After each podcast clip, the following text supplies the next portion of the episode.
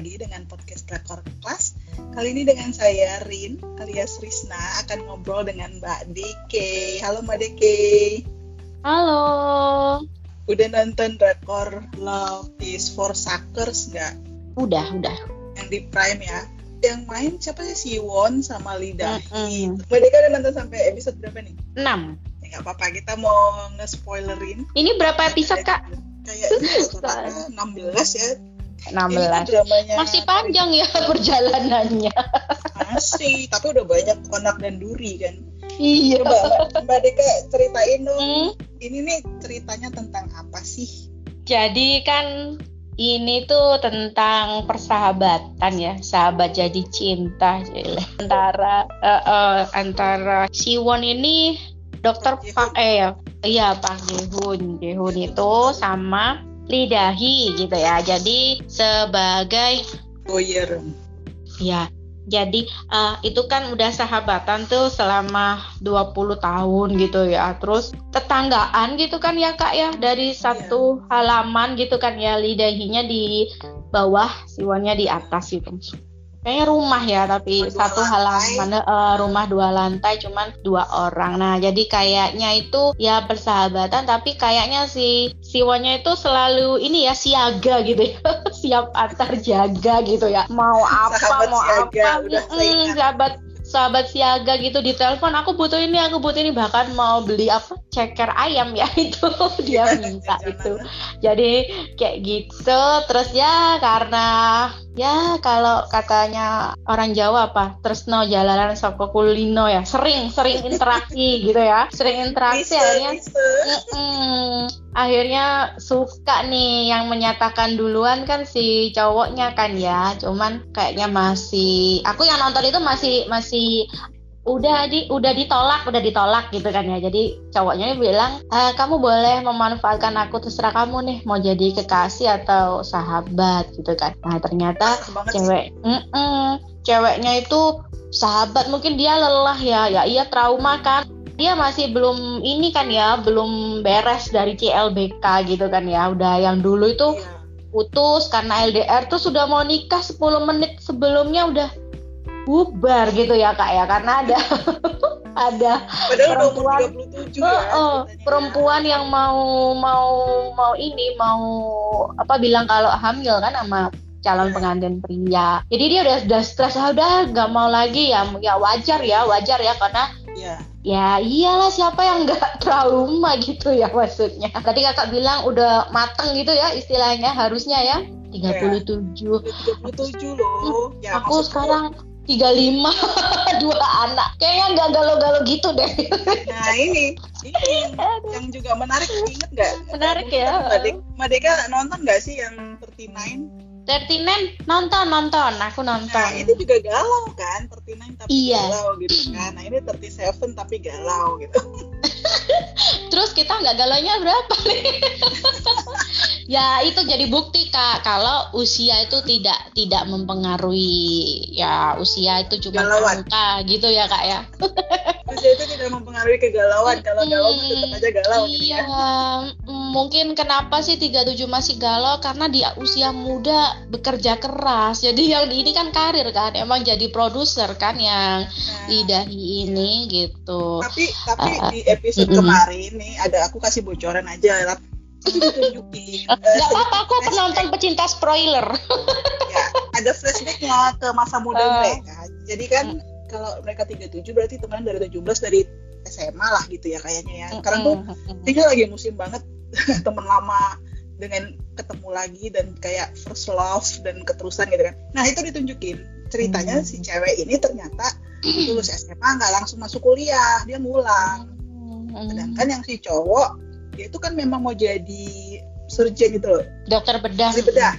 Jadi dia lulus, udah dia masuk universitas, yang si ceweknya ngulang gitu. Terus si cewek itu kayak masih masa remaja kan pasti mikirnya kayak wah kayaknya keren banget sih anak mahasiswa gitu lah si cewek ceweknya itu sambil kan Hmm. kalau ngulang kan masih kayak bimbingan belajar kali ya sambil Hmm, ngeliatin hmm. itu rombongan mahasiswa pakai jaket mahasiswa ih kayaknya keren banget deh gitu nah dari situ aja kalau ditunjukinnya sebenarnya si cowok itu udah ngelihat si cewek dengan suka gitu loh tapi nggak berani ngomong gitu lah ini hmm. ini tuh jadi agak mengingatkan sama The Low Cafe yang baru habis kayak ya cowok-cowok ngapain sih suka tapi nggak ngomong gitu loh dipendam-pendam. Uh. emang jadi apa gitu? Kan aku tuh kayak lah di cowok. Kayak emang emang kayak gitu ya cowok ya? Enggak deh rasanya gitu. Maksudnya sepengetahuan aku sih cowok itu kalau suka ya ngomong gitu. Kalau suka dan nggak ngomong ya rasain sendiri kalau nggak dapet kan gitu ya kita kan ahli lucu ya mana kita tahu ya aku tuh udah ngeliat ya ini berarti si Park Jae Hoon ini sebenarnya udah first first love banget sama si Go Yerim gitu loh tapi mm -mm. kalau menurut teman-temannya yang punya restoran itu mereka itu kayak mm. first love yang nggak pernah dapet timing yang tepat gitu loh -mm. ada aja yang bikin nggak bisa gitu loh mereka nyambung gitu loh antara yang satu punya pacar yang satu enggak. Jadi kayak sahabatan tapi timing mereka buat menyatakan atau udah ke balap sama yang lain gitu loh.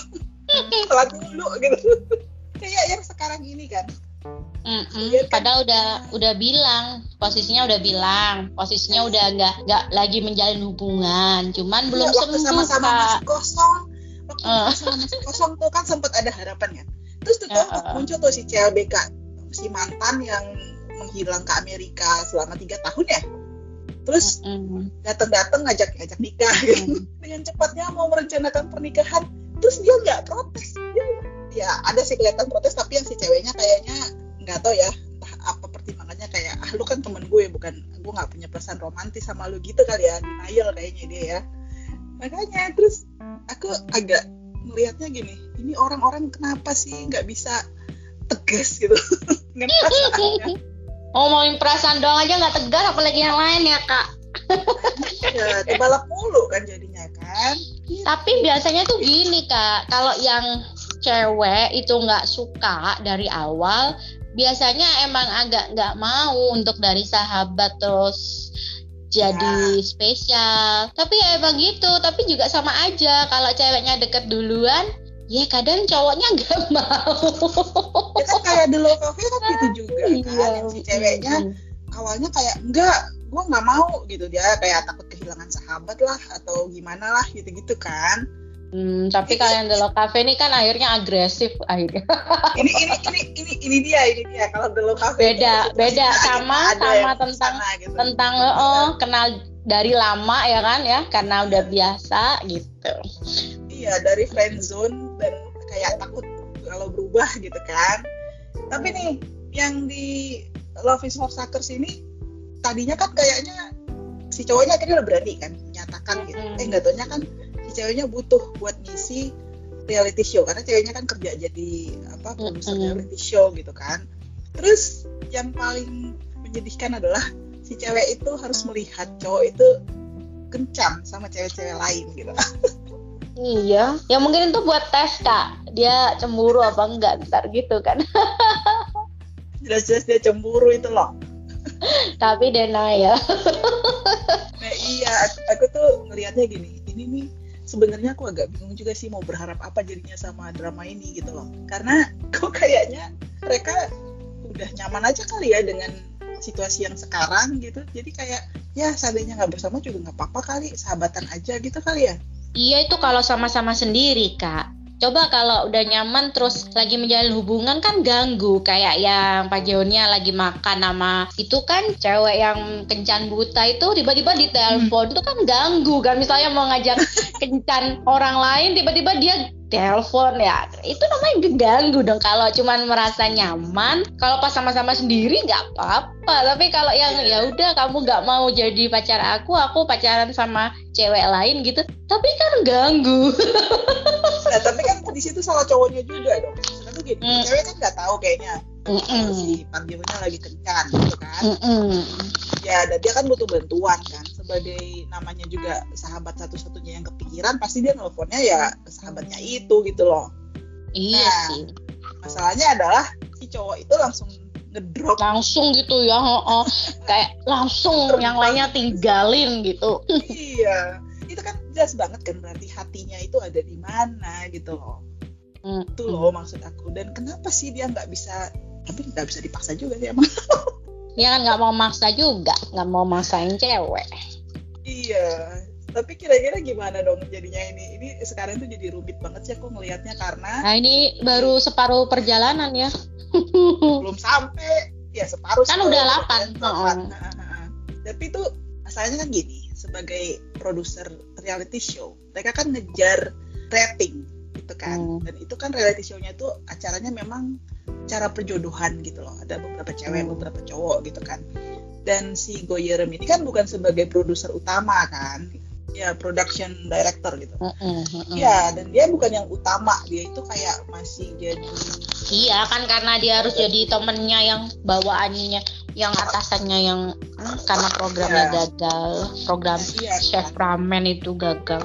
Iya jadi dilemanya tuh di situ tuh aku ngelihatnya tuh. Jadi dia gimana antara menyeimbangkan supaya karirnya lancar dan hmm. ya, menyeimbangkan dengan perasaannya tuh loh gimana sih? Bisa nggak? Bisa gitu kayak gitu? Mm -mm. udah umur 37 masih galau ya ampun.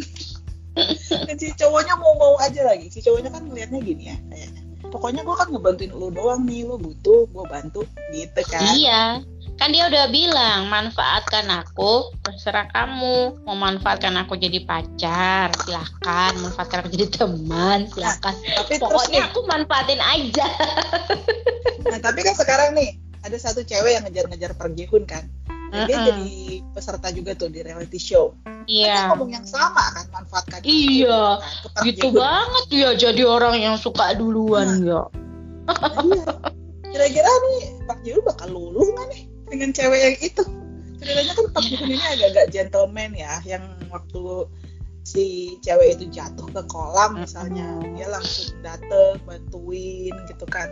Ya dia baik sih baik aja. Cuman untuk ini ya kayaknya susah apalagi udah cinta pertama ya. Mana cinta sahabat pertama, mana sahabat. mm -mm. ini ini tuh ini tuh sekarang banyak banget sih jadinya drama yang kayak gini mulai dari itu juga kan yang soundtrack number yeah. juga kira-kira gitu kan. Terus juga yang kemarin yang Globe Cafe itu untungnya happy ending. Terus Our Beloved Summer juga gitu. Tapi kan kalau yang itu semua rata-rata umurnya belum 37 dia rasanya. Iya. Udah, jangan -jangan ini udah 37 masih terngiang-ngiang cinta pertama bahaya dong. Ya untungnya ya sama-sama nggak punya pasangan. Yang bahaya kalau sama-sama punya pasangan terngiang-ngiang cinta masa lalu. Aku jadi bingung antara mau nyebut cinta pertama kelamaan apa cinta lama belum kelar ini. Kayaknya cinta lama belum kelar nih kak. Eh belum mulai malah. Denial ya denial gue. Mm -hmm. tapi itu pas waktu aku tuh nggak nyangka loh yang waktu si Goyeremnya mau menikah si Pak Jehunnya bakal biarin aja kayak gitu. Aku nggak nyangka. Ya kan dia dia kan apa aja yang bikin Goyeremnya happy dia gitu kan. Ya asalkan kalau bahagia gitu ya. Mm-mm, asalkan kalau bahagia gitu. Cuman aku tuh awalnya penasaran nih kak kenapa Pak Pak Jehun ini meninggalkan rumah sakit tuh kan masih sedikit-sedikit ya dibukanya oh, ya. Ada kan dijelasin dia tuh somehow dia mengakibatkan pasiennya meninggal. Iya, terus akhirnya dia merasa kayak itu tadi ya dia bener-bener nggak -bener mau akhirnya dia ke klinik jadi kayak freelanceran gitu tapi emang kayaknya fokusnya nggak di karirnya dia sebagai dokter ya. Memang di ya. reality show itu sama aja apa kerjaannya Koyurum ini kan sebagai Tapi nanti bakal ada sih mungkin ya itu kan mungkin satu-satu konfliknya ya di kelihatan. Ya salah satu konfliknya. Kan ceritanya kan si yang produser utamanya deh mm -hmm. cerita utamanya kan berusaha membuat supaya si Park Ji Hoon sama si cewek di reality show itu jadi pasangan utama. Mm-hmm. Jadi mereka kayak berusaha ngebikin lah tindakan-tindakan sekecil apa pun supaya penonton tuh kayak voting. Jadi ini sistemnya katanya nanti ada voting dari penonton eh, pasangan yang didukung oleh penonton siapa gitu loh. Nah yang kebetulan terpilih itu si Park Ji Hoon ini. Tapi dia jadi terkenal lah gitu ya. Jadi orang-orang, hei kok kan Park Ji Hoon gitu ketemu di jalan kayak gitu gitu kan. Nah, tapi ada juga orang yang nggak suka dengan ketenaran cipta Bihun terus di forum internet gitu dia mulai kayak menyebarkan yang ngomongin bahwa kayak yang dulu itu ya yang gagal jadi dokternya itu kali ya Iya, jadi dia bilang Jin itu pernah membunuh pasien gitu loh. Mm, mm, mm, Itu dia ngejebar berita. Nah, itu bakal jadi konfliknya konflik ceritanya juga sih kayaknya, tapi nah ini belum tahu apakah orang-orang tetap mendukung. Tapi ya gitu loh, Madi kan pernah nggak sih nonton reality show yang kayak Bachelorette atau Bachelor? Tapi kalau itu kan satu, satu cewek, banyak cowok gitu iya tipenya. iya pernah Kencan gitu. Mm, mm, kencan kencan Kalau ini kan Kalau ini kan pasangan ya dibikin. pasangan langsung kan kalau yang biasanya kan milih kan milih di antara yang banyak Ya. siapa yang paling ini gitu Ya, biasanya kan satu cewek memilih berapa cowok atau satu cowok Mm-mm. cewek kan gitu. Mm-mm. Kalau yang kayak gini aku juga belum pernah nonton sih. Kayaknya dulu di Indonesia ada deh eh, acara kencan-kencanan gitu. Ada kayaknya ada ada atau jangan-jangan aku nonton yang di Indonesia ya nggak nonton yang lainnya menarik juga sih Iya, yang, yang lucunya tuh disuruh netizen ikut voting gitu siapa nih? Iya kan kalau acara reality show gitu kan kadang emang butuh ini netizen. Makanya kan nanti selain nunjukin-nunjukin ada gimmick-gimmick gitu kan. Gitu ternyata si itu tuh disetir gitu loh, kayak berusaha supaya ada yang kayak emosional, ada Iya. yang gimana gitu loh. Nah tapi ini aku lihat ya, yang di sini tuh nanti ada satu orang yang ikutan tuh memang sengaja mau mempopulerkan bisnisnya gitu loh. Hmm. Dan itu, itu, itu tau nggak yang punya aplikasi jodoh itu loh? Yang cowok itu ya, Mm, mm, mm. Dia tuh sengaja yang dia bilang cewek. yang pengen yang oh cewek yang nggak menonjol gitu kan. Jadi Iya. biar di di ini jadi rame gitu ya. Iya, heeh. dia tuh dia tuh sengaja. Dia tahu nih kayaknya nggak akan ada yang milih tuh cewek tuh. Jadi dia Mm-mm. manfaatin tuh cewek gitu. Terus kasihan deh ceweknya tuh kan ceritanya penulis webtoon tuh. Iya. Dia dia bener-bener polos gitu kayaknya orangnya diceritain.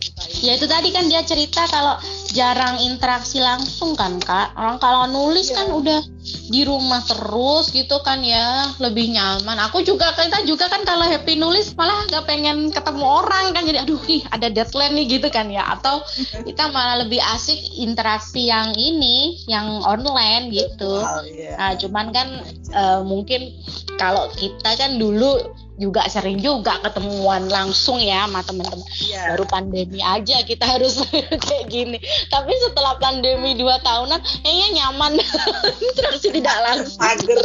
Orang-orang pada mager gitu. jadi kalau kecuali sama yang deket-deket aja Iya. Tapi aku rasa ya kemungkinan, entah kemungkinan, entah harapan gitu ya. Cowok itu Mhm. bakal beneran suka lo bakal dengan si cewek. Yo yang pertamanya untuk memanfaatkan itu ya Ya, heeh. Soalnya emang baik kak baik ya kan orangnya tuh Kayaknya emang kan. Oh, Iya. oh, polos dia tuh bener-bener baik gitu loh. Cuman ya memang kan digituin ya, mungkin dibuat penampilannya tidak menarik, tapi orangnya baik. Cara ngomongnya gitu kan dia waktu ini kan eh, nyamperin yang siapa sih yang nangis, yang jadi pacarnya si Won yang sendirian itu kan aku suka, aduh ya ampun baik banget ini orang kan temennya gitu, ketawamu tulus dia gitu kan ya, Heeh. baik Iya. Abi. Makanya aku sih berharap malah itu yang jadi gitu. sebenarnya kan di episode 1 kalau diperhatiin Mhm. itu kan udah ketahuan gak sih sebenarnya endingnya bakalan gimana tapi aku Gimana kak? Endingnya menurut kakak nggak jadi jadinya? Jadi nggak- tahu sih vibe-nya tuh kayak nggak jadi tapi Iya ya, sebagai vibe-nya penonton kayak nggak jadi kan sih kayaknya. gitu kasian banget udah 37 nggak jadi jadi aduh Abisan.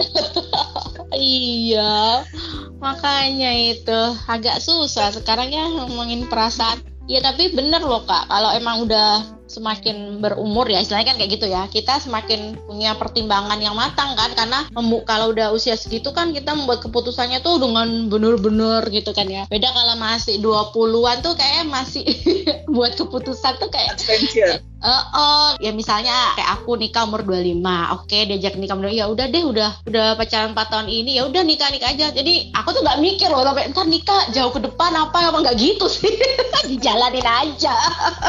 Tapi kan kalau orang yang udah udah dewasa kan ini ntar ke depannya nih kayak gimana ya, terus ini gimana ya? Gimana gitu sih. Itu pengalamanku sih. jadi belajar ini Kak, trial and error. Jadi berusaha tangguh kan maksudnya kan ketika ada konflik ini ini kan masih muda gitu jadi bisa nih. Tapi kan kalau orang sekarang kan lebih lebih ini ya, aku nggak mau nih nikah ntar cuman ini ini akhirnya kan lebih matang terus karirnya juga matang. Jadi lebih banyak pertimbangan sih kalau menurutku semakin matang usia ya nggak hanya memutuskan nikah sih mm -mm, apa pun pasti lebih lebih banyak mikirnya kan nah, kebayang udah nyaman ngapa-ngapain nggak ada ngatur-ngatur toto nanti iya. jadi eh kamu harus begini atau ya nggak tahu juga ya gitu.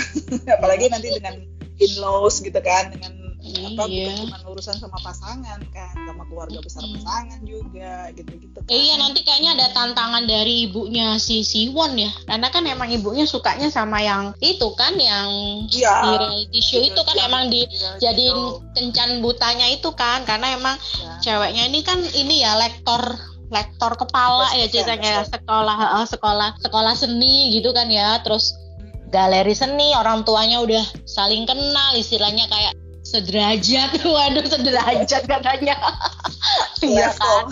Oh, selevel gitu. Kayaknya nanti ada tantangan-tantangan itu. Jadi nggak sabar ingin mempercepat episode 16 aja lah gitu.